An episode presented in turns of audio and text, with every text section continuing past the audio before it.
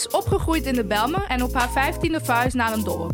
Ze werkte eerder voor Vogue als freelance fashion assistant. En als ze niet op Glamour HQ is, vind je haar in Zwifterband, waar ze woont met haar man Jordi en hun twee zoons Vince en Lennox. Esmeralda Schipper hebben we het natuurlijk over. Fashion editor bij Glamour. En ze maakt zich hard voor een modewereld die eindelijk eens moet gaan lijken op de echte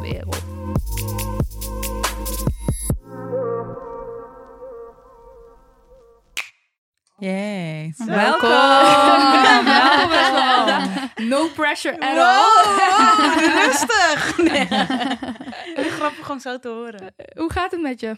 Nee, het gaat, wel, het gaat wel goed, maar het is een hele gekke rollercoaster geweest de afgelopen weken. En ja, je merkt nu dat ehm, mensen wakker worden. Het is een beetje laat, maar wel dat nu is het moment dat mensen ons zien Mhm. en horen. Dus dat is aan de ene kant heel hoopvol, maar het is ook, like, het brengt wel een heleboel soort van oud zeer naar boven. En dat je, ja, het is echt een rollercoaster. Dus het ene moment ben ik super hoopvol en happy. En het andere moment denk ik echt van, oh, dit moet ik nu uitleggen. Of ik moet juist iemand nu terechtwijzen van, luister, hier kun je het opzoeken. Of weet je, laat me met rust. Dus zeg maar constant een, ja, ja, een golfbeweging. Ja, Ja. want eh, Hmm. je bent op je 27ste bij je stage gaan lopen Ja. bij Vogue. En eh, met je spaargeld als buffer heb je mij Ja. al een beetje stiekem verteld. Ja, Eh, hoe kwam je tot die switch en hoe is het nu, zeg maar, als je kijkt naar het parcours? Hoe is dat allemaal gelopen toen in die tijd? Ehm, ja, waar zal ik eens gaan beginnen? Bij het begin. Ehm, ik werkte.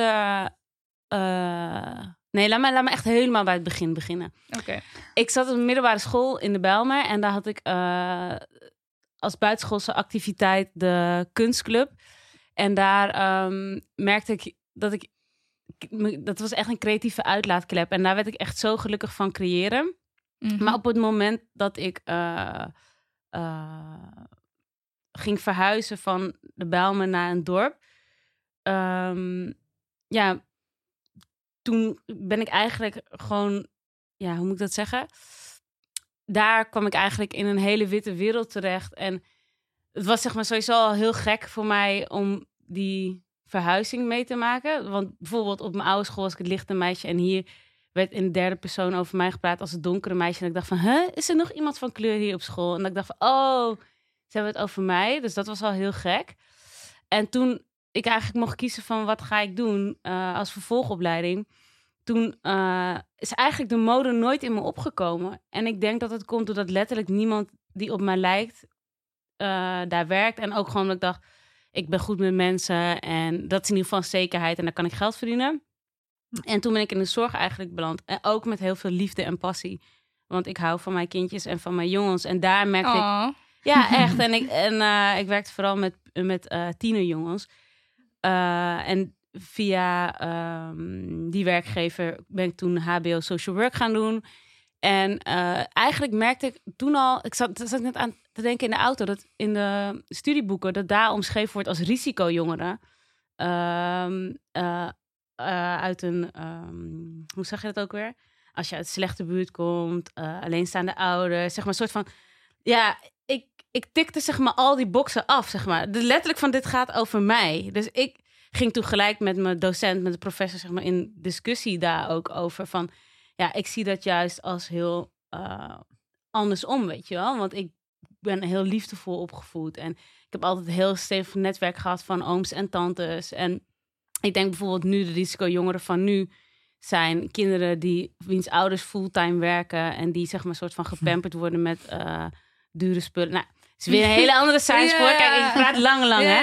Maar, het is wel mooi hoe je het zegt, hoor. Het is wel heel mooi. En eh, inderdaad, wie, wie bepaalt wat een risicogroep Wie heeft is? dit onderzoek geschreven? En, en, en Ja. ook als je, ben je dan niet gewoon ook sowieso wel een risicogroep als jij wordt opgevoed inderdaad door twee verdieners die nooit thuis zijn en, en, en door mensen die jou nooit vertellen over hoe de echte wereld er echt uitziet en wat, Juist. wat, hoe mensen struggelen eigenlijk. Precies. Dus, eh, en het is veelzeggend van wie heeft dit onderzoek geschreven en weet je, wat is de context van dit onderzoek? Dus ik miste een heleboel daarin. En toen dacht ik van, oké, misschien is de zorg niet super mijn passie, maar ik kan hier ook shit veranderen en gewoon Mhm. letterlijk doordat ik er ben op zo'n groep, weet je wel. Bijvoorbeeld een kindje eh, een Surinaamse moeder, het kindje was daar geplaatst. Eh, die was mij super dankbaar, omdat ik haar kind gewoon el- elke ochtend insmeerde met olie en ze haar gewoon netjes Oh. kamde en, en haar invetten en zo. Ze zegt, ja, maar voordat jij er kwam gebeurde dat niet. Terwijl het is juist... Oh, dus zo, eh, ja, het ontroert mij echt als je dat zo zegt. Dat het soort van, ehm, dat het de zorg dus daar helemaal niet op afgesteld is op de, Nee. op de, op de hele brede samenleving, zeg maar. Dat Nee. dat, ehm, dat dat uit, een uitzondering is dat jij dat zo doet. En ik herken me heel erg in jouw verhaal. Ik heb ook eerst social work gestudeerd, ook omdat ik ehm ergens eigenlijk dacht, ik gedacht had, ik weet niet of dat iets is wat jij ook hebt, van dit is dan het hoogst haalbare voor iemand uit, eh, eh, uit de positie waar ik vandaan kom. Like, ik eh, kan beide talen spreken, hè, als we het Ja. hebben over. Dus dan kan ik voor my people. Ja. Maar wat ik daarin verliesde, is mijn eigen creativiteit Ja, kunnen zeker. achterna. En dat is denk ik wat jij dat ook had. ja. wat ik had. Dus, dus en ook heel, ja. vanuit, ik weet niet of je de piramide van Maslow kent, dat is een, Ja. dat is een Ja. theorie. Zeg maar, en ik was letterlijk nog ook niet daar, dus ik kon Ja, nog niet same. denken aan zelfontplooiing. Ik moest zeg maar. En voelt het dan ook niet meer als verantwoordelijkheid om dan toch die stap te nemen van ehm, ik ga toch mijn creativiteit achterna, omdat je ook dus wel weet, oh, ehm, situaties zoals met dat jongetje waar je het net over hebt, ehm, die, die hebben echt iets aan mij, maar niet ten koste van mij natuurlijk, maar dat je een soort van, ik heb dat zelf namelijk wel, dat Ja. ik me kan denken van, oh ja, wie gaat dat dan, weet je wel, overnemen, omdat er zo weinig van ons daar zitten op die Ja, plekken. het brak mijn hart hoor. Het Ja. was echt een, maar het is wel fijn. Ik kan er thuis ook wel heel goed over praten. En ik heb ook eh, een therapeut gehad daarvoor. En niet alleen daarvoor, maar wel uiteindelijk ja, ging het richting een burn-out. En dat ik opnieuw moest gaan ontdekken van wat zijn mijn drijfveren, Ja. wie ben ik, bla bla bla. Ja. En ehm, toen heb ik eigenlijk eh, echt een weloverwogen keus gemaakt, omdat ik dacht en mijn creativiteit, weet je wel, dus mijn eigen ik, mijn eigen ding, mijn eigen like, waar, waar wat van, vanuit mijn kern komt, dat wil ik gewoon gaan doen. Maar ik kan ook, ik kan dan dus letterlijk beeldvorming veranderen. Ja, Dus zichtbare beeldvorming veranderen. ja. En toen ben ik gaan nadenken, oké, hoe, hoe kan ik dat gaan doen, weet je wel? Het is heel leuk om één ding te zeggen, maar hoe? En ik dacht gewoon, ik moet in alles wat ik doe eh 200% geven. Dus ehm, toen ik, eh, het, is een hele weg geweest, want weet je, ik, ik heb geen welgestelde ouders en mijn man werkt ook in de zorg. Like, weet je, we, we hebben geen vetpot, dus we hebben daar echt voor moeten sparen en kansen voor moeten pakken. Eh, er kwam een reorganisatie aan, dus ik dacht, mooi, ik ga een plan voorleggen en ontsla mij maar, maar geef me zoveel geld, dan kan ik het gewoon gaan doen, weet je wel. En toen ben ik het gaan, eh, Ja. gaan doen. Maar goed, ik had wel een baby en een peuter, dus het was wel echt, het was niet makkelijk of zo. Was het een extra drijfveer voor je dat je je kinderen had? Dat je dacht Zeker. van. eh, Zeker, hoe kan ik tegen deze baby zeggen, je kan alles worden wat je wilt, terwijl... J- Jij niet maar. eh, daarvoor Ja. kiest. Precies. Ja. Dus dat was voor mij echt wel, dat was het ding. En hoe kwam je uiteindelijk bij folk terecht? Ehm, ik, ik ging eh, naar een, eh, een eh, modeacademie waar ik deeltijd... eh, want ik had zeg maar nog een jaar... Ik kon ongeveer een jaar leven van mijn spaargeld. Dus ik dacht, oké, ik ga... Ik kon bij die modeacademie, kon ik... eh zeiden ze, je kan twee modules doen per jaar. Dat is zeg maar een soort van verantwoord. Ik heb er toen vier gedaan in een jaar. En ik dacht, dan kan ik... Dan heb ik nog een klein beetje Dus geld vier keer zo hard Mete- werken als... meteen doe, Ja. doe ik de most Ja. gewoon meteen. Ja, en dan, en dan, dan heb ik nog zeg maar een half jaartje, of een half schooljaar, waar, waarbij ik nog zeg maar kan bouwen daarna, weet je wel. Dus, ehm, en toen had ik het vak eh media styling, nee, modestyling van Gina. Gina Verduzzi is een hele toffe vrouw. En daar merkte ik echt soort van, wow, dit is echt... Ik gaf nog borstvoeding aan mijn jongste en ik ging echt... eh, S ochtends werd hij heel vroeg wakker en dan s'nachts... S'avonds kon ik doorwerken tot twee uur s'nachts. En dan 's ochtends werd ik weer vol energie wakker. Toen dacht ik van, oké, blijkbaar is dit dus... Ik wist niet eens dat modestyling echt een vak was. Ik dacht dat het mensen aankleden was. Maar niet een concept maken en uitbouwen. Ik kende dat helemaal niet, weet je wel. Dus toen dacht ik van, dit is dus mijn ding. En ik blijkbaar mijn talent. Want iedereen haalde gemiddeld een 6 en ik stond een 9 of zo. Wauw. Dus toen ja. dacht ik van, oké, hier moet ik wat mee. Mm. Wat is zeg maar de titel die ik heel mooi vind en waarbij ik het zeg maar voel. En dat was voor mij Vogue. Dus ik heb één brief gestuurd naar Vogue. Gewoon vanuit mijn hart van, joh, dit is echt een hele rare situatie. Want ik ben 28, ik heb twee kinderen. Ik woon niet meer in Amsterdam, want ik kan geen huis hier betalen. In mijn eigen stad meer. Maar oké, dat is weer ook weer een ander verhaal. En toen eh, echt vanuit mijn hart een brief geschreven van... maar ik ben wel heel erg gemotiveerd, des te meer. En uh, volgens mij heb ik ook letterlijk wel in die brief gezet van... ik doe het ook voor mijn mensen, weet je wel. Niet alleen voor mezelf. Mhm. En toen mocht ik op gesprek komen. Jeetje. Toen was er één iemand die, eh, die in je geloofde, zeg maar. Wat, ja, Ja. maar- ja. Ja, eigenlijk twee, twee mensen. De fashion assistant, diegene die de brief selecteert. Ja. En daarna de creative director, Martien Mellema. Ja. Die eh, heeft uitgenodigd. En wat heel soort van symbolisch voor mij was... ik, ik eh, moest bij station Duivendrecht de trein uit. En dat kwam ik letterlijk langs mijn basisschool... in Amsterdam Zuidoost. En Folk-redactie was letterlijk aan de andere kant van het spoor. Dus voor mij was het echt zo... Ik kwam er echt zo aan als zeg maar half huilend. En echt zo... We hadden twee zinnen gesproken. En toen moest ik vet hard huilen. En toen zei ik ook van... Het is gewoon... Het zit letterlijk aan de andere kant van het spoor, weet je wel. Het is voor mij al zo betekenisvol om überhaupt hier te zijn. En dat, ik- Ja. dat je moet luisteren nu, want ik zit hier toch. Dus. Ja. Ja, Ja. nee, dat, die, dat kleine meisje toen op die school, die Ja. dan dit, eh, Ja. heel mooi hoe dat zo eh, Ja. bij elkaar Ja. komt. Ja, Ja, dat moment dat En- je oog aan oog staat met je droom, dat herken Ja. ik wel heel erg. is echt, eh, echt Ja. heel mooi en eh, ik zie het beeld helemaal voor me. Ja. Ehm, ja, heel, eh, heel mooi moment. Je plaatste aan het begin van, eh, van dit jaar, februari 2020. Mhm. Was dat? Was dat februari 2020? ja, na Fashion Week denk ik Ja, dat ja. het bedoelt. Februari 2020 postte jij een moedige post op Instagram over eh Isabelle Marant. Ja. door Isabelle Marant Show. Ja. En ehm, ik ga daar even een quote uithalen. Ehm, je zei voor de Isabelle Marant Show. Intens gehuild. Ik wil dat mensen het begrip witte privileges gaan begrijpen en reflecteren op hun eigen handelen. Ik ken jonge creatievelingen die gestopt zijn en mij vragen waarom ga je door. Laat ze. Ik wist ook niet dat precies op dat moment een andere jonge POC creative, eh, creatieveling in Parijs ook aan het huilen was hierom. Bruggen bouwen is niet makkelijk. Het is niet een ding wat makkelijk uit te leggen valt. Het zijn de kleine dingen. Zoals mee kunnen praten over onderwerpen, het juist uitspreken van een locatie of niet, en dan uitgelachen worden door een Nederlandse collega. Het gaat over niet kunnen bezitten en aanschaffen van designer items. Ouders die je huis voor je kopen of huren. Hm. In plaats van druk te hoeven maken of je moeder wel de huishoudelijke hulp na haar operatie kan betalen. Mhm. Ik word er even stil van. Dat, Ja. was, eh, dat was een heftige post. En eh, blijkbaar ook een noodzakelijke post. Want je werd daarna overspoeld door berichten. Ik denk van Ja. heel veel eh, mensen van kleur, vrouw van kleur, zwarte vrouwen, die zichzelf in jouw bericht herkenden. Ik heb jou op die manier ben jij op mijn pad gekomen doordat Hm. iemand mij dit bericht stuurde. Dus het heeft eh, hè, eh, black people, we are all cousins. Dus Ja. het heeft zeg We're maar, sisters. het heeft zeg maar wel gecirculeerd in de DM's zeg maar. ja. En zo ben ik je ook je werk gaan volgen. Maar hoe was dat voor jou na dat, dat moment na die post?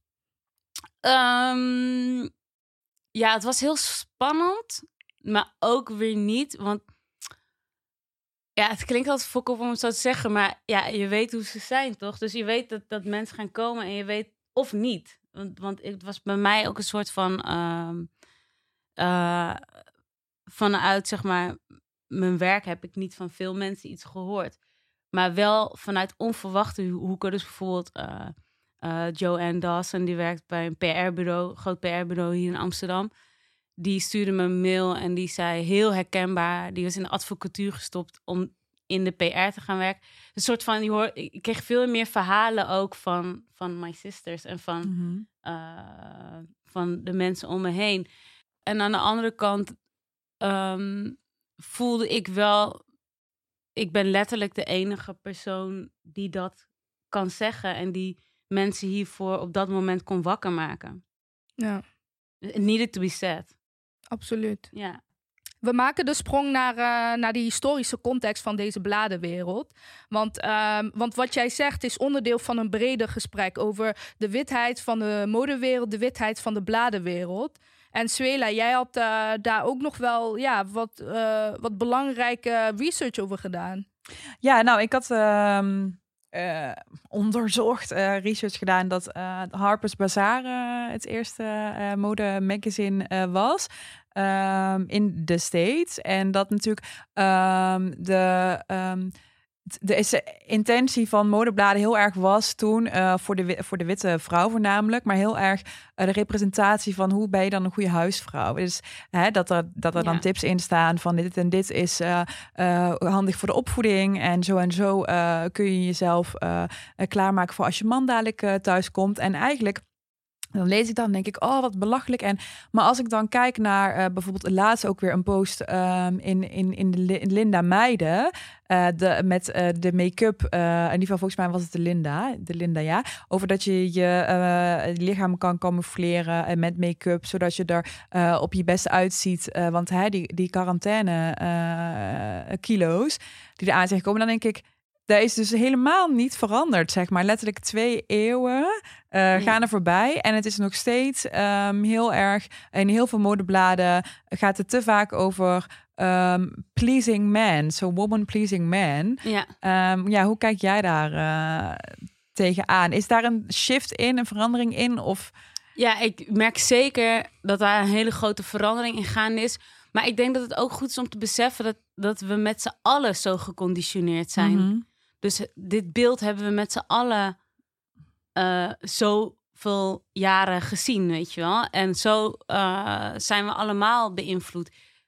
Niet alleen door de bladen, maar ook door inderdaad studieboeken, door wat je hoort op de radio, door wat je eh, ziet. Dus ik Ja. denk dat dat die bewustwording ook moet komen van weet je, je kan denken van, oh, het is goed eh, ja, iets, om iets over feminisme, om over iets over body positivity te schrijven. Maar ik denk dat er veel meer gekeken kan worden naar wat vind ik van mijn eigen lichaam. Door, zeg maar, eh, beeldmakers of door journalisten. Ja. En wat is, zeg maar, je, ehm, ja, wat zijn je eigen kijk- en denkkaders? Ja, want je vertelde dat je laatst aan een shoot werkte. Mhm. En dat, je daar een Ghanese, dat daar een Ghanese model voor eh, was Ja. geboekt. En toen, wat gebeurde er toen? Nou, het was, eh, dat is mijn eigen concept, wat ik, eh, wat ik graag wou laten zien. Dus het komt nog. Het is like, een, eh, hoe noem je dat ook weer? Een, Oh, we een primeur. primeur. Maar it's Oké, oké, oké. it's oké, no worries. Ehm, ik wou heel graag een model. ehm, voor mij was het heel erg belangrijk. Ik wou een modeserie doen. Ik zag dus in Parijs tijdens Fashion Week zag ik heel veel van die oversized pakken, oversized mantels. En deed me denken, en eh 70s inspired kleding. En deed me denken aan onze vaders. Je weet toch die grote pakken zo met die Mhm. schoudervullingen. En eh, ook die leren slipper, die gevlochten en zo. Dus ik, ik had best wel veel referenties. Ik dacht van, oh ja, grappig, weet je wel. En aan de andere kant zag ik ehm, mini-jurkjes en hoge laarzen. Dus ik dacht, oh, lijkt me echt tof om iets te doen met het concept mini, maxi. En iets met het concept van, ehm, van samen zijn. Dus bijvoorbeeld als ik ergens ga, dan ga ik met mijn zussen. Of weet je eh, wat jij zei van als je naar de winkels gaat, ga je met je broertje. Dus het leek me heel tof. Dus ik, eh, we hadden eerst, de fotograaf kwam met een heel tof eh, Marokkaans model, wat zeg maar upcoming is. Ik, oh cool, weet je wel. En laten we naar haar broertjes vragen. Lala. Nou, zij kon niet. En toen dacht ik van, oké, ik probeer zeg maar constant te reflecteren van wat vind ik belangrijk om nu... Want het leek me bijvoorbeeld voor Marokkaanse meisjes ook heel tof als je in de credits ziet staan, model Malika, weet je wel. Ik denk daarover na van hoe dat voelt voor zo'n meisje, dat je dat ziet en dat jij ook, weet je. En ook, het klopt ook qua mode, met grote schouders, het hele plaatje klopte. En toen dacht ik van, oh ja, ik moet ook denken aan, eh, aan op zondag, weet je wel, als mensen naar de kerk gaan, dat ze in die mooie pakken zo gaan. Dus toen moest ik opeens denken aan eh, Ghanese vrienden van, me, eh, van mijn moeder. Ja, de zondagskleren van, eh, van een gemiddeld Afrikaanse christelijk gezin, zeg maar. Daar moest ik aan denken. Dus toen dacht ik van, oh, toen kwam ehm, eh, de fotograaf had een heel lijstje gestuurd met modellen. En ik zag dat model en toen dacht ik, ja, ik vind haar heel mooi. Ik wil heel lang met haar werken, let's do it. En toen, maar ik wou dus twee kinderen erbij. En toen zei de, de fotograaf, die heel erg open staat, is een, is een witte fotograaf, maar die heel erg open staat voor feedback. Die zei van, oh, maar waarom vraag je gewoon je neefjes niet? En iemand bij mij op kantoor, ze gewoon meerdere mensen gezegd, waarom vraag je je neefjes niet? Zei ik, ik ben Surinaams. Weet je, er zit een hele laag daar ook nog weer. eh, Like, snap je? Dus ze wilden Ja. bij een Ghanese model om een familieportret te maken, maar ze wilden bij een Ghanese model Surinaamse, eh, Ja. ja. zeg maar, Ja. ehm, een sibling zetten, wat dus niet zou Ja. kloppen in het beeld. Ja, precies. En het hoeft niet eens per se siblings. Het kan ook gewoon, zeg maar, familieleden. Maar het, Het klopt niet. En dat soort dingen, wat zeg maar heel logisch is voor mij, dat moet ik zeg maar heel veel uitleggen. Mhm. En heel Mhm. veel. En extra effort doen, weet je wel. En daarin moet ik dan ook weer nadenken van. Ik wil eigenlijk ook niet nu iemand een berichtje sturen die ik ken van... hey, heb je nog neefjes, weet je wel. Ja, ik wil ook niet inappropriate daarin zijn. Ja, Ja. Dus, je. en dat Maar je zeg- mag mijn neefjes wat lenen hoor. Ah, jee. Maar uiteindelijk heb ik dus via... Want kijk, zo zijn we ook weer. Eh, de creators van kleur zijn ook allemaal, zeg maar, tight. Ik doe zeg maar een soort vingerbeweging zo. Mm. Dat kun je natuurlijk niet zien. Maar, eh, en, Ze doet gangsigns, ja, maar we precies, gaan gewoon, gang, gang. We gaan gewoon Snap je? Want zo zijn we, nee. Dus, ehm, en toen had ik dus... Mitchell is een eh Ghanese jongen. En eh, V- Valt er ook niet iets van te zeggen dat er blijkbaar in de database eh, eh, van eh, de Glamour, in dit geval, dus niet dat soort dat, dat er niet een diversiteit aan modellen is, zeg maar. Like, why do they need to ask um, us to om, de, om dat lijntje te leggen, snap je? Valt daar ook al niet iets van te zeggen dat dat dat het blijkbaar zo moeilijk is om om dat werk te doen? ja, dat is heel moeilijk. En het is ook een hele verantwoordelijkheid om te voelen. Ja, precies, want dan wordt die verantwoordelijkheid wordt bij jou gelegd, zeg maar. Ja. Terwijl eigenlijk dat natuurlijk, ja, Ja, eh, ja. Snappen jullie wat ik de bedoel? volledige Ja, ik snap- redactie zou gewoon zo inclusief moeten nadenken. En eigenlijk al verder dan alleen maar het witte stereotypere beeld. Nou, je zou zo al moeten, moeten werken. Dus je zou al een database moeten hebben van kindmodellen eh, van Ja, allerlei eh, precies. eh, en niet het werk kleuren. bij iemand anders neerleggen. ja. Ja, maar ik moet wel zeggen, dit is wel mijn baan. Dus, dus het is Oké, wel, zeg maar, mijn taak. Ja, bij- maar als maar- jij een, een, een, een wit kindmodel nodig hebt, is het dan ook zo moeilijk? Of kun je dan in de database duiken? Nou, van, meestal eh, werken we niet met witte kinderen, maar dat is Oh, wel makkelijker eh, over het algemeen. Ja. Je moet wel een extra effort, tuurlijk. Want die, dan heb je wel een neefje of nichtje of een... eh, Oh, zo. Oké, dus jullie jullie Variety. zoeken sowieso al wel naar mensen in je eigen omgeving. Dat Ja. is wel gebruikelijk om het, te ja, doen. het is wel gebruikelijk Oh, om in je eigen omgeving... Je kan wel naar een castingbureau gaan, Ja, maar daar worden ook, zeg maar... Zeg maar, degene die daar het oog heeft op wat mooi is, ja. dat wordt ook al met een bepaalde, weet je wel, met, Ja. met Europese features. Of Ja, met- dus, exactly. dus weet je, die ga ik sowieso niet, die hoop heb ik al lang niet meer, zeg maar. Oh, ja. Oké, interesting. Ja. Ja. Je schreef eerder dat eh, een stagiair jou in het colofon zag staan Ja. van Glamour. En daardoor ook dacht van, hé, hey, die Esmeralda ja. werkt bij Glamour, dat kan ik ook. Ehm, hoe belangrijk denk je dat representatie ook is in de modesector waarin jij werkt? Ja, dat is gewoon alles.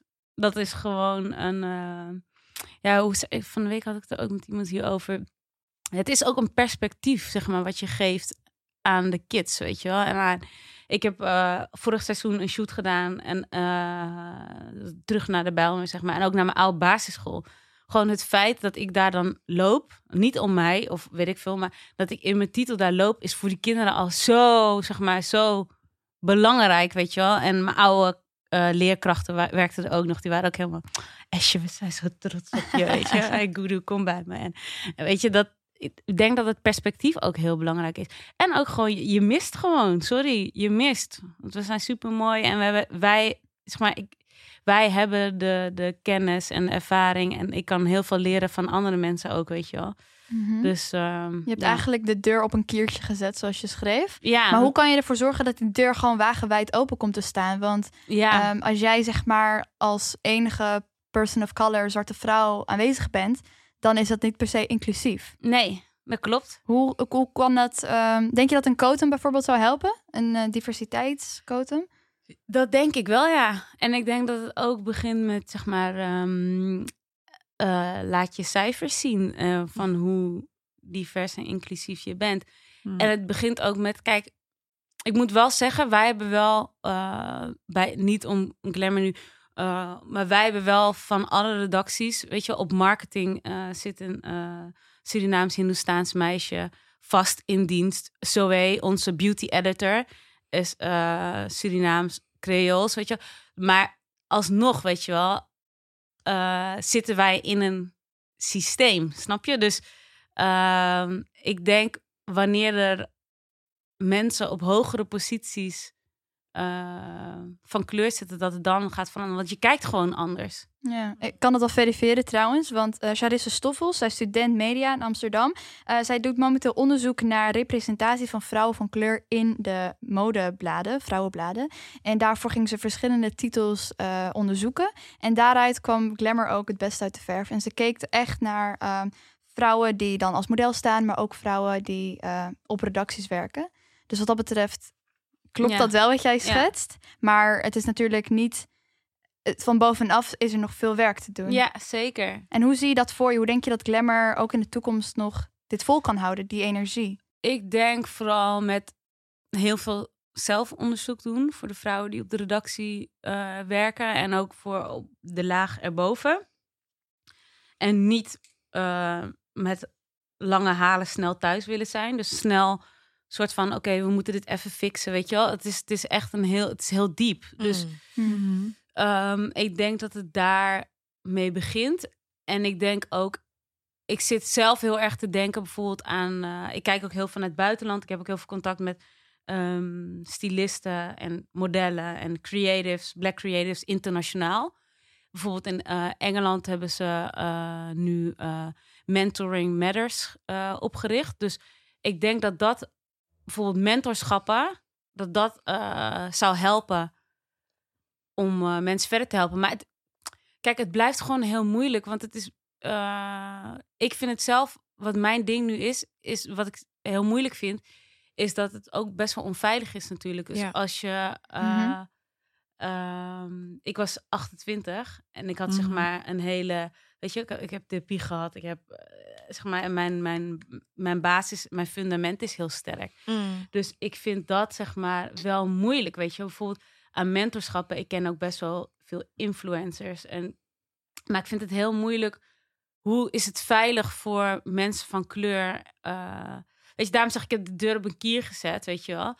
Maar ik ben daarvoor ook zeg maar in, aan het vechten, weet je wel. Van hoe kan ik ervoor zorgen dat het veilig is voor de mensen die nu Mm. binnen gaan. Want wat nu natuurlijk gaat gebeuren, is dat eh, zwarte mensen posities gaan krijgen of ingehuurd worden of weet je wel. Ja. Maar Maar dat er niet nagedacht wordt over hoe veilig is de plek waar ze Precies, terechtkomen. En precies. wat doet dat Ja. eigenlijk? De ruimte Ja. verandert niet. Nee. Eh, ja, dus dan kom je daar en dan, dan, dan heb, heb je weer dus het risico dat mensen inderdaad snel opgeven. Zeker als jij zegt van als je wat, wat jonger bent, eh, dat het een Ja. heel erg een klap in je gezicht is. En dat je dan denkt van oh my god, ik, eh, ik ga dit niet doen. Maar ook letterlijk Ehm, dat, je niet gezi- dat je niet gezien wordt. Want ik had het daar gisteren ook nog over. Dat ehm, bijvoorbeeld, ehm, ik ben heel erg opgevoed eh, met je moet beleefd zijn naar je meerdere. Mm. Je moet je kansen afwachten. Je moet keihard werken. En dan krijg je misschien een kansje.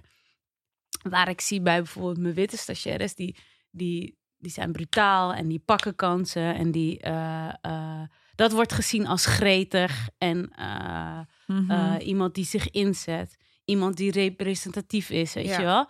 exactly. En dan, dan ben ik nu op die plek om te zeggen van luister, eh, het klopt niet, weet je wel. En Maar het- dan even de kanttekening dus als eh, eh, people of color eh, dat doen. Eh, wat, wat krijgen ze dan ook te horen van, oh, wat, eh wat gretig dat je dat doet. Nee, of is het dan van, je past niet bij de cultuur eh, je bent van, luid. je bent Ja, je bent luid, ja, je je bent onbeschoft. Ja. eh, ja. Attitude. ja. En dat vind ik eigenlijk wel een hele mooie segue naar waar, waar ik dus heel erg, ehm, waar ik bij jou heel, vraag, heel graag de vraag wilde stellen. Want ehm, grappig genoeg, ik heb je leren kennen door dit interview. Mhm. Daar ga ik heel eerlijk in zijn. Ik heb de post meegekregen. Maar ehm, ik herken heel veel in je verhaal ook vanwege het feit dat je een achtergrond hebt in jeugdzorgwerk. Dat Mhm. je denkt van oké, doorpakken, meteen vier modules doen in plaats van twee. Trust me, I know all about it.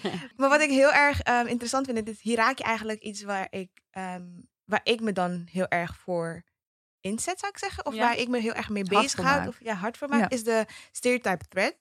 Dus de, de, de, de, de, ehm, het feit dat wanneer je eigenlijk behoort tot een uh, groep, een gemarginaliseerde groep, dat je eigenlijk altijd een achterhoofd moet houden van oké, wat wordt aan mij geattributeerd dat negatief is, dat, Ja. het, dat door een stereotype komt. ja. En wat dat eigenlijk doet met hoe ik me ga gedragen. Want je zegt net van Oh, ja, als ik, ik moet dubbel zo hard werken, ik moet beleefd zijn, Ja. ik moet mijn kans afwachten, op een bepaalde manier praten, op een toon.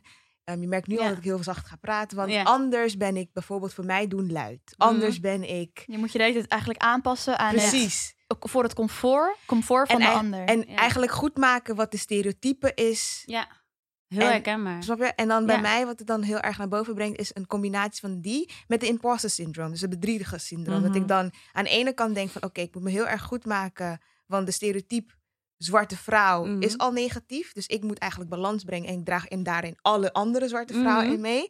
En daarboven komt nog de syndroom. Dat ik eigenlijk het gevoel heb van, hoor ik hier wel aan die tafel te zitten? Ja, Want dat hoorde ik ook een beetje bij jou van, hoe veilig is het nou? Van oké, Ja. ik zet die deur op een kier, maar ben ik wel degene die het op een kier moet zetten? En als ik dat doe, ja, wat voor, dat je een beetje een vraagteken gaat zetten bij de eigen kennis en kunnen. Ja. Dat terwijl anderen dat dan niet zo snel doen.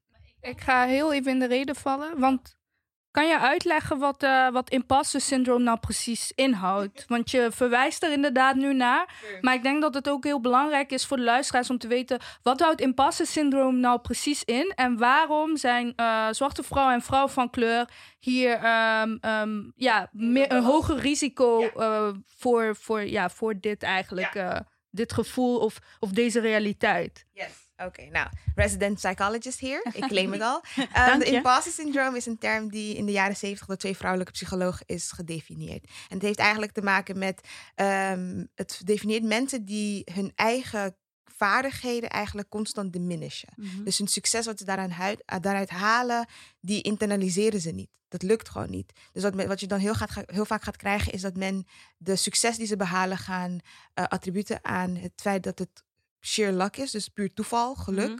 Of het feit dat anderen hen overschatten. ja.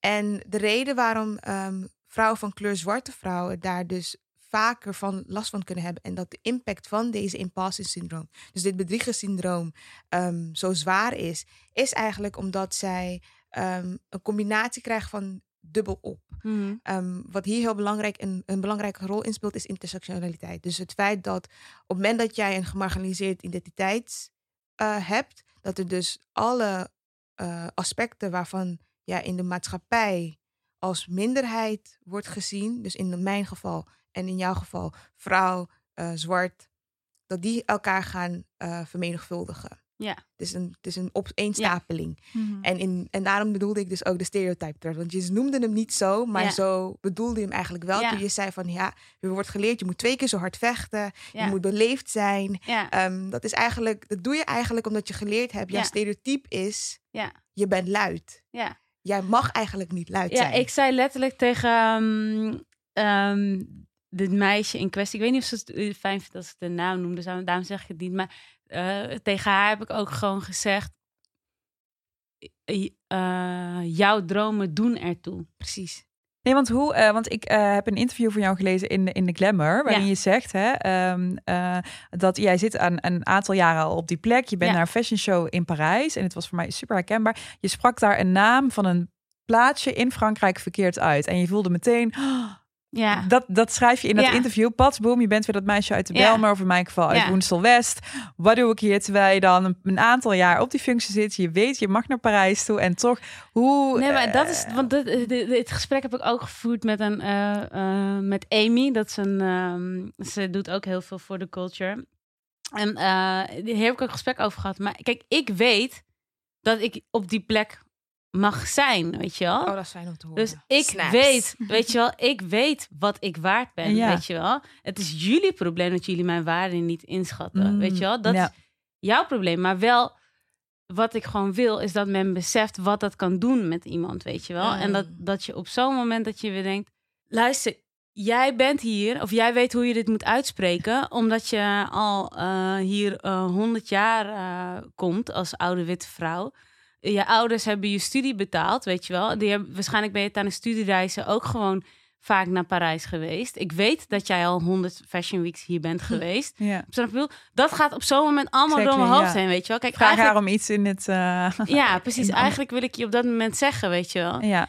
Maar denk ik, oké, ik loop nu weg. Want Ja. Dus de tip... ik ga nu de boze zwarte vrouw voor je worden, weet je wel. Oh ja, ja. Ja. En dus die, die tip zou jij dus andere jonge vrouwen meegeven. Van dat is een, zo'n punt waar je op kan, ja, waar je echt wel op zou kunnen eh instorten misschien daar. Hè? In, zeker in, eh, in die situatie dat je collega's van hier er misschien niet bij zijn. Jij eh, daar naartoe. Ik weet niet precies hoe dat zit tijdens die fashion shows. Ehm, maar dat is wel een hele mooie tip die je eigenlijk al geeft net in je antwoord. Van, ehm, dat je je meteen beseft van nee, ik ben hier. En ook het perspectief van ja, de, dat jij dat kan Tuurlijk dat uitspreken. en like, ja. en like, Ja. doe niet zo eh, boeiend. Maar ook van eh, de talen die wij zelf allemaal spreken, weet je wel. Never ask you to eh, pronounce. Wat is je probleem? Ja. ja. Heb je dat Ja. altijd gehad? Dat van, ik weet dat ik hier mag zijn. Mhm. Nee, eigenlijk heb ik dat ehm, na, toen ik mijn kind kreeg. En dat, ik, dat, dat je dan al die dingen zegt tegen zo'n klein hummeltje, zeg maar. Mm. Toen dacht ik van, oh, ik zeg nu shit wat ik eigenlijk ook graag had willen horen, weet je Mm. wel? Wow. Toen ik Oh, klein was.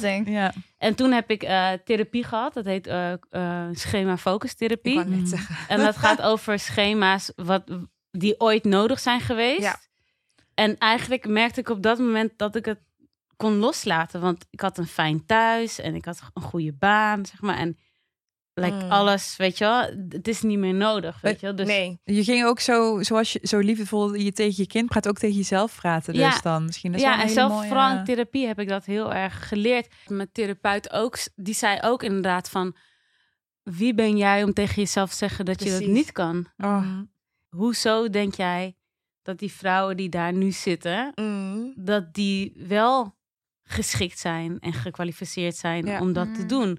Want jij hebt verhalen die je kan vertellen. Weet je, dus ze ging Mhm. mij de hele tijd die vragen terugstellen van Ja. wie ben jij om het niet te kunnen Ja. en wie ben jij, weet je Dus wel. eigenlijk je eigen gedachten bevragen. Ja. Wat jullie deden. Ja, En dat is precies. best wel een heel belangrijk ding. Wat, waarom ik dus zo'n voorstander ben van therapie. Is dat je leert dat jouw gedachten niet waarheid zijn. Nee. Wat wij eigenlijk wel heel vaak meenemen is... ik denk dit, dus het is zo. Terwijl je eigenlijk Ja. in plaats van een punt aan het einde van die gedachte... een vraagteken kan zetten. Ja. En die heel goed kan uitvragen. En Ja. dan kom je er eigenlijk achter van... hey, wait, I'm fooling myself. Ja, en daarom zeg ik ook over, zo, over dingen, net zoals ook in deze discussie, van beter zeg je iets verkeerd dan dat je niks zegt. Want dan, dan de wrijving groeien gewoon, weet je. Dus is niet erg. Of is niet erg. Kijk, sommige dingen zijn wel erg als je dat zegt. Maar dan word je op je plek gezet of gecorrigeerd. Of dan, dan ga je jezelf bevragen. Of anders groei je niet, weet je wel. over je eigen gedachten bevragen. Ik ehm, moest heel erg denken aan wat je in het begin zei. Van wie bepaalt er welke groep risicojongeren is of welke groep risicokinderen is. Want voor mij is het heel erg dat jongeren die thuis dus inderdaad misschien wel alles te zaakjes hebben, maar nooit leren dat ze hun eigen gedachten moeten bevragen. Dus dat is de andere kant van de munt. Van mensen die al hun gedachten bevragen en leren bevragen door de wereld om hun heen. En mensen die nooit hun gedachten leren bevragen of niet genoeg hun gedachten leren bevragen. En dan met zo'n zelf, van, eh, zelfverzekerdheid en privilege en zelfingenomenheid door de wereld eh, navigeren. Of walsen soms zelfs.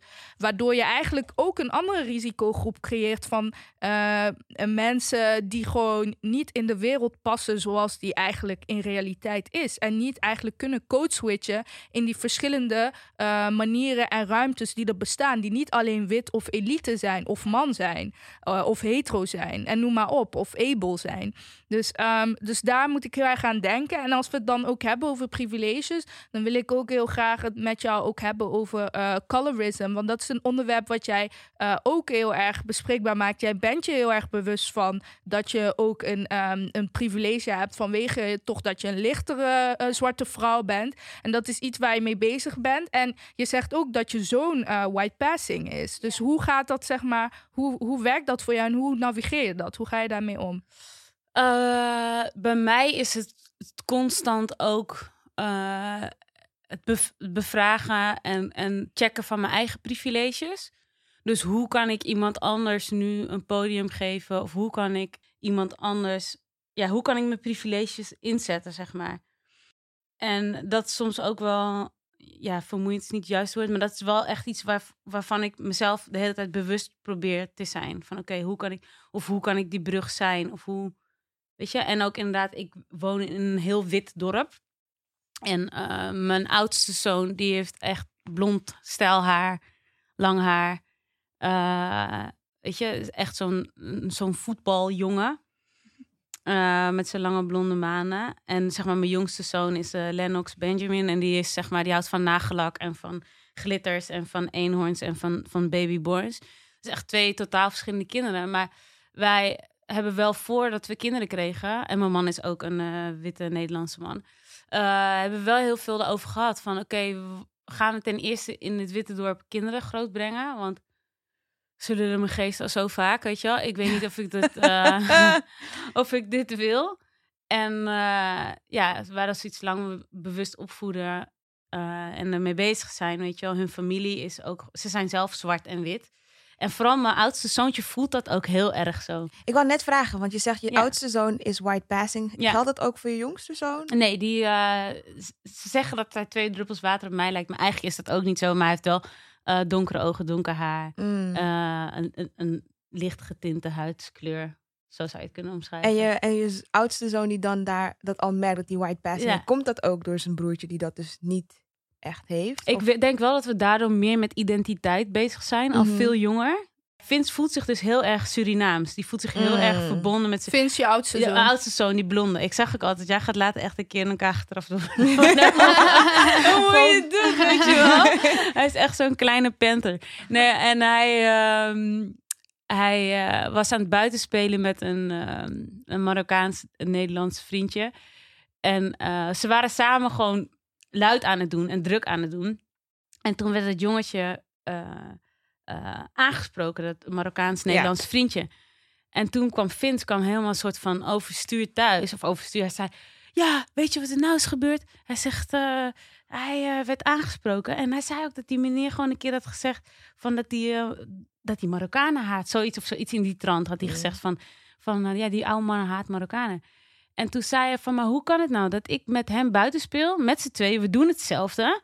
Mm. En dat alleen hij wordt aangesproken. Prachtig. Wel Vince. Ja. Prachtig. Ik zeg, kijk eens in de spiegel. Waardoor denk je dat het komt? Ja, zeker omdat ik wit ben, zei hij. eh, Mm. Ja, ik zeg omdat jij wit eh, en jullie zijn even oud, maar hij is ook groter, zijn vriendje. En jij bent kleiner, weet je wel. Dus jij, weet je, ze zien jou een soort van schattig en onschuldig. Mm. En dat andere jongetje, weet je wel. En, Mm. en ik zeg, en ik vind het heel goed van jou. En ik ben heel trots op je dat je het voor hem gelijk, want hij heeft gelijk er iets van gezegd. Van, eh, Oh, wow. nou meneer, wat u nu zegt, dat mag helemaal niet. Ah. En eh, u bent gewoon een racist, had hij gezegd. eh. weet je wel. Naar Vince. Ja, en ook op, maar het is wel voor hem ook wel een, moeilijke positie. Want net als Mm. inderdaad, we hadden geprotesteerd op de Dam. Dan komt er een stelling op NOS-journaal, jeugdjournaal. Mm. Gaan ze in de klas bespreken van wat vind je ervan dat de mensen zijn gaan protesteren?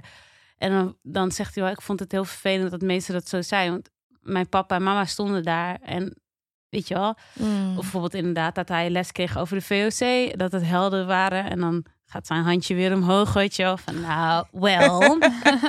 Hold up. Mijn papa en mama Zeggen, dat dat is, eh, Eigenlijk helemaal niet waar. Maar het is al mooi dat hij op zo'n jonge leeftijd toch ook wel ja, geconfronteerd eigenlijk wordt met zijn eigen privileges. En dat hij daardoor ook wel misschien juist meer binding voelt ook met wie hij is. Want Ja. hij is wel een product van zijn ouders natuurlijk. Dus dat props to him already. Ja. Ja, maar wel een burden ook om te dragen Ja, voor een kind op die leeftijd. om als zo? enige je hand, of, of hè, een van de weinig je hand op te steken. En eh, ja. Ehm, ja, mooi, maar ja, het zou dat? niet moeten. Eh, ja, ik, ik eh, herken wel een beetje. Nou ja, ik, eh, ik heb ja, niet helemaal de, de white passing, maar je bedoelt misschien de, eh, eh, de nabijheid tot witheid en me identificeren met een deel van mezelf. Eh, ik, ben, ik kom ook uit, uit een bicultureel gezin Mhm. en ik ehm, ben nog steeds wel in een eh, soort van zoektocht naar eh, de binding met mijn roots, die ik gewoon een stuk minder heb dan bijvoorbeeld neven en nichten die niet uit een bicultureel gezin komen. Ehm, en ik heb eh, altijd wel het idee dat ik een soort van harder probeer te doen, alsof ik, wat jouw zoontje misschien ook Ja. heeft, ja, maar ik ben ook Turks hoor, weet je wel. ja, omdat dat, het, omdat mijn mensen je niet zo lezen van beide kanten. Dus dat was is bij hem waarschijnlijk ook zo. Ehm, Van beide kanten lezen mensen je niet zo. Dus dat inderdaad eh, wel, eh, heb je wel gelijk in eh, dat, ik, dat ik dat herken. Ja, dus de- dat zien wij kant. ook. En wij pakken die verantwoordelijkheid als ouders ook door wel met school hierover in gesprek te gaan. Ja, Keer op keer ja. op keer. Ja, Weet het je is wel? een lastige positie die hij heeft. Omdat Ja. hij dan waarschijnlijk zeg maar, ja, je wil... Wat je ook want je zegt, je zegt heel duidelijk van hij is nog meer in het Surinaamse identiteit. Daarmee ben ik dan zijn broertje die dat misschien, die wordt ook zo gelezen, dus die hoeft dat ook niet Nee, per ja. se eh, te doen of uit te leggen. Ja. Of ja, dus dat is wel een hele eh, interessante manier van hoe dat in één gezin eh, dan kan, eh, Ja. kan zijn. Ja. Ehm, eigenlijk terugkoppelend naar wat Christella zei van ehm, dat bevragen omdat hij dus inderdaad bicultureel is, krijgt hij dat mee van beide kanten. En het feit dat je dat benoemt van hij is al zo jong en hij heeft dat al mee, ehm, daarmee breek je, doorbreek je eigenlijk de stereotype gedachte van ook kinderen kunnen dat niet.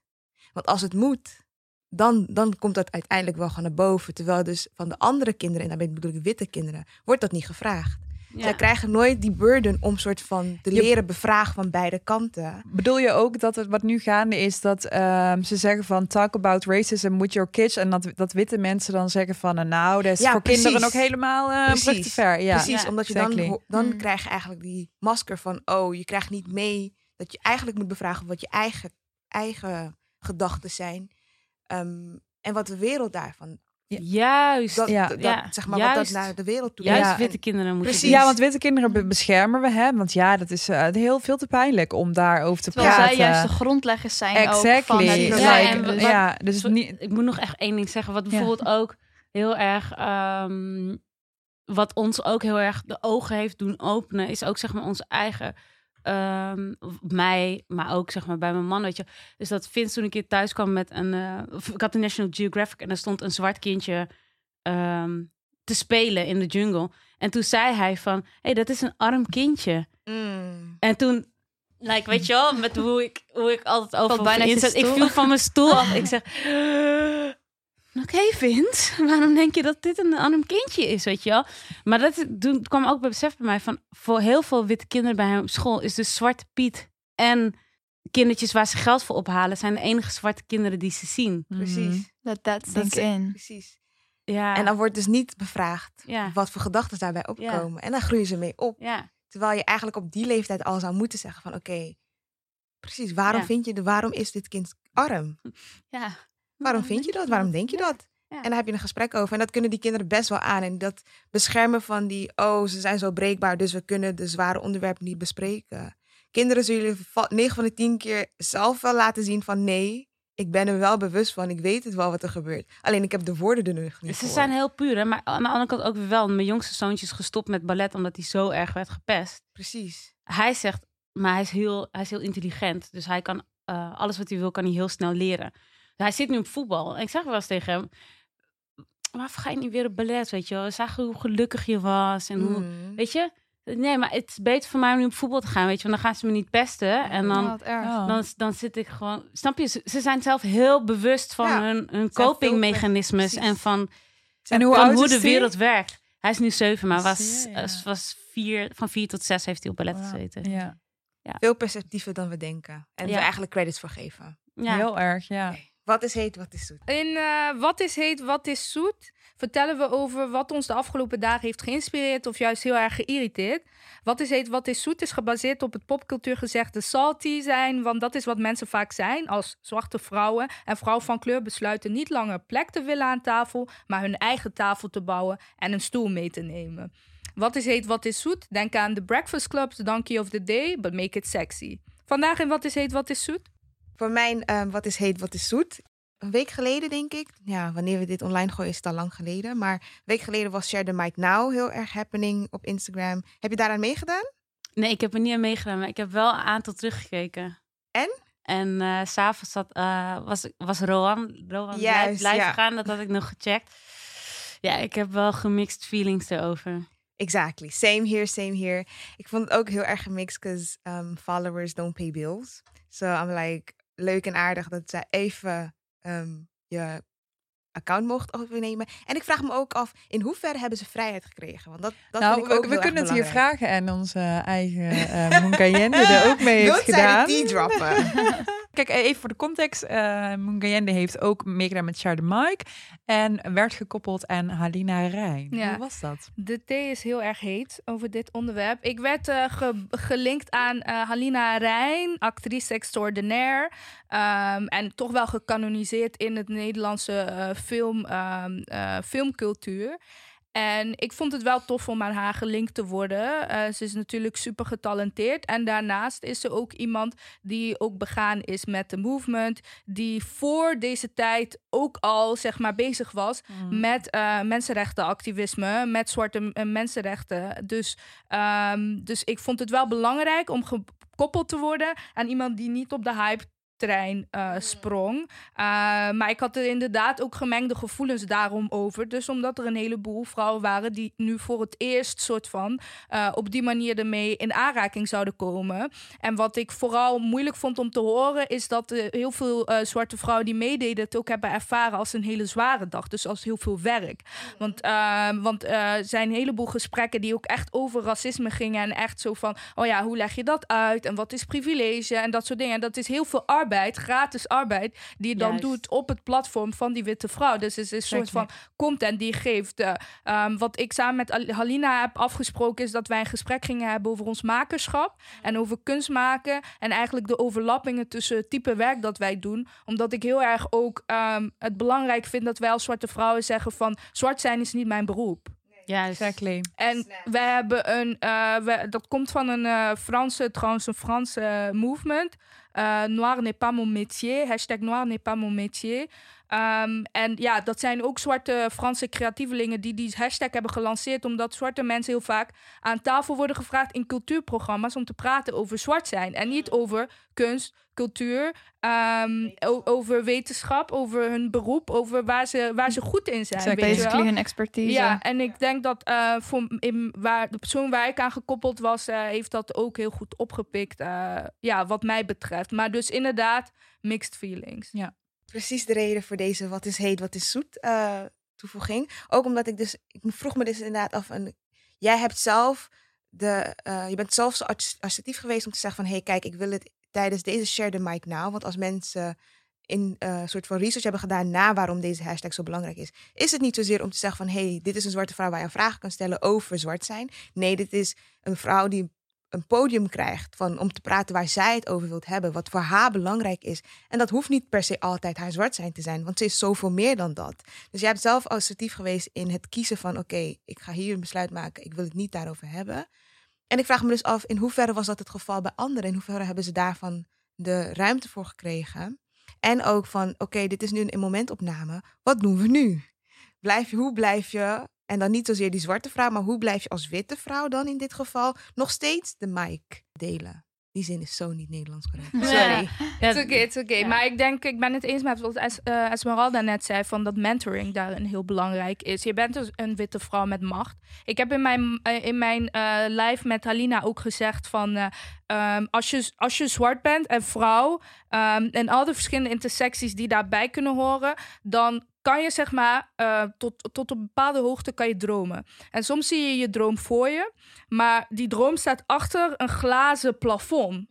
Mm. En achter dat glazen plafond staan witte invloedrijke vrouwen. En zij hebben voor het eerst naar beneden gekeken om te zien: hé, hey, er zit een hele wereld onder. En er zijn mensen die hier naartoe willen.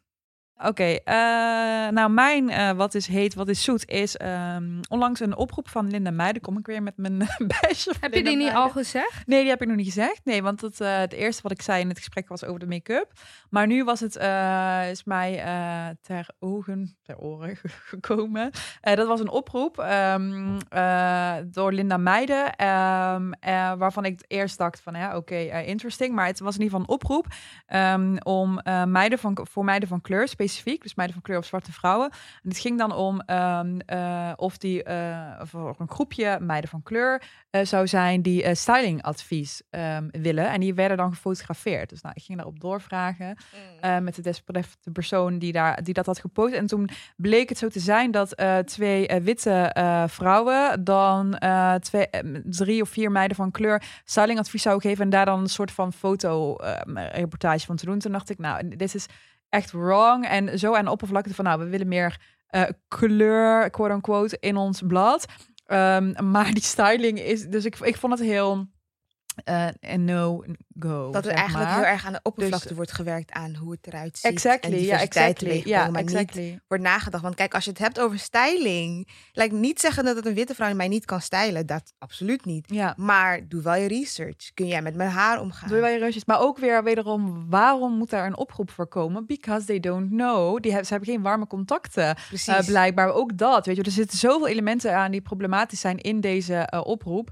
Um, dus vandaar de, de ja, salty... en ik denk ook dat uh, vooral nu ook vrouwen van kleur ook echt moeten oppassen inderdaad dat ze niet hun netwerk gratis in gaan zetten. Of weet je wel, Exactly. Want het, de oproep kwam ook van een vrouw van kleur. Een van de weinigen die werkte bij, eh, bij het desbetreffende blad. Dus dat, dat vind ik dan lastig. En ehm, ja, ik, ik, dat is heel een moeilijke positie. En, Ja. en props voor eh, working there. eh, want eh, die brug Ja. moet open.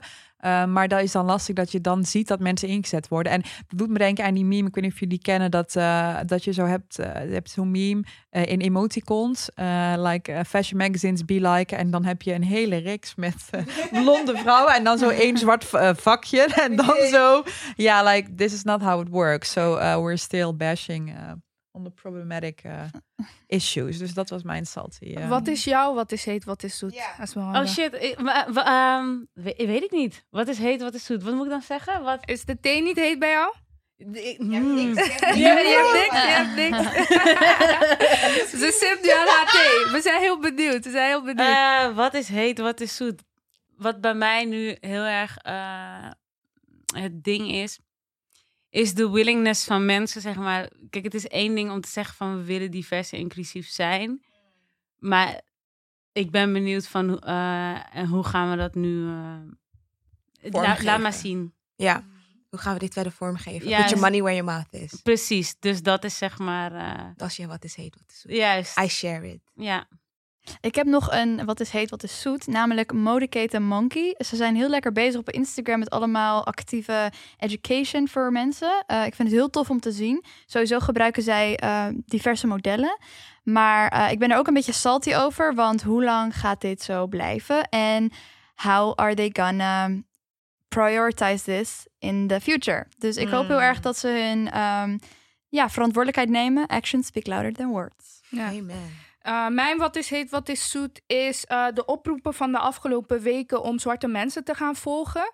Um, ik voelde me daar zoet en zoutig over, dus ook wel salty. En dat is omdat ik denk dat het, um, dat zeg maar, de oproep om zwarte mensen te volgen, was heel incidenteel. En wat ik me ook afvraag is dan van, hoe komt het dat jij jouw volgers blijkbaar moet oproepen om zwarte mensen te volgen? Hoe komt het dat Mm. ze niet intrinsiek gemotiveerd zijn om zwarte mensen te volgen vanwege het type content dat jij maakt? Mm. En toen ben ik eigenlijk tot de conclusie gekomen dat een heleboel uh, witte platforms die zich activistisch inzetten en um, uh, witte, uh, ja, wit, toch wel majority witte modebladen, dat die eigenlijk content maken rondom zwart zijn, rondom van kleur zijn, dat heel traumatiserend is. Yep. Dat eigenlijk ook alleen geconsumeerd kan worden door mensen die niet aan dat trauma onderworpen worden. Mm. Dus als jij een platform hebt waar jij continu inderdaad in, aan het strijden bent voor de rechten van uh, mensen van kleur, zwarte vrouwen, dikke mensen,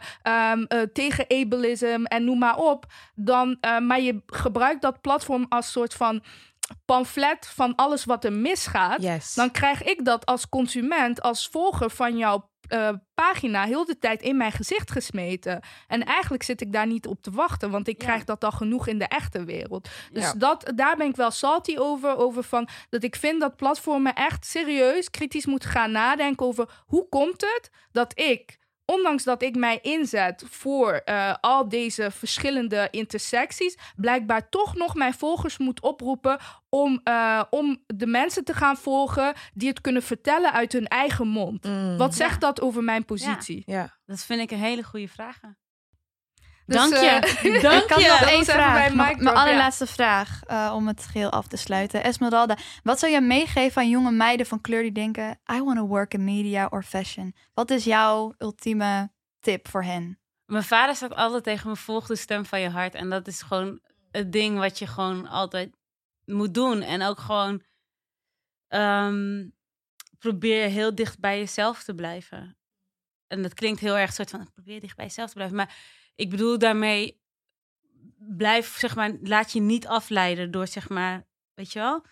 Wat ik soms zelf heel moeilijk vind, dat, dat je dan soort van helemaal caught up raakt in dit, waarom is dit nog niet zo? Of waarom moet ik dit uitleggen? Of weet je, dat je laat afleiden. Of dat je na werk gaat maken waarvan je denkt van het is belangrijk. Eigenlijk is het niet het verhaal wat ik wil vertellen als ik zeg maar diep van binnen krijg. Want eigenlijk wil ik gewoon nu een hele sprookjesachtige story maken. Ik zeg maar wat. Maar dat je ook niet jezelf uit het oog verliest wat je wil maken en wat je wil vertellen. Precies wat jij eigenlijk net zegt, weet je wel. Van je maakt werk soort van om te laten zien van kijk, eh, we zijn zo divers of inclusief. Maar juist die sprookjesverhalen, maar like, we can be in it too, weet je wel. Het zijn ook onze verhalen en Ja. onze eh, dingen. En over dat sprookje gesproken, wat is jouw droom voor de modewereld? Mijn droom voor de modewereld, voor nu, want kijk, dat verandert ook iedere keer. Ik hoop gewoon dat het echt daadwerkelijk inclusief wordt. En dat, dat ieder jongen, meisje, alles wat er tussenin zit, zichzelf kan herkennen en content kan consumeren die voor hen zijn. Dus, dus niet wat gemaakt is van, oh kijk, we doen nu een donker meisje, maar dat je echt kan zien van, hé, hey, in dit blad eh, vind ik skincare tips die over mij gaan. Of die zeg maar voor mij zijn. Of gemaakt zijn door iemand, weet je wel. Dus ik wil zelf meer die, die breedte ook zien en die, en die diepgang. Preach to that. Ja. Thank you for being here. En dankjewel dat je je verhaal eh, met ons hebt gedeeld. Yes. Wij gaan afsluiten. Ja. Dank jullie wel voor het luisteren naar weer een nieuwe aflevering van Foefo en Dadels. Je kunt ons volgen overal, at en Dadels. Wij willen onze mediapartner Dag en Nacht Media bedanken. Tot de volgende. Doei.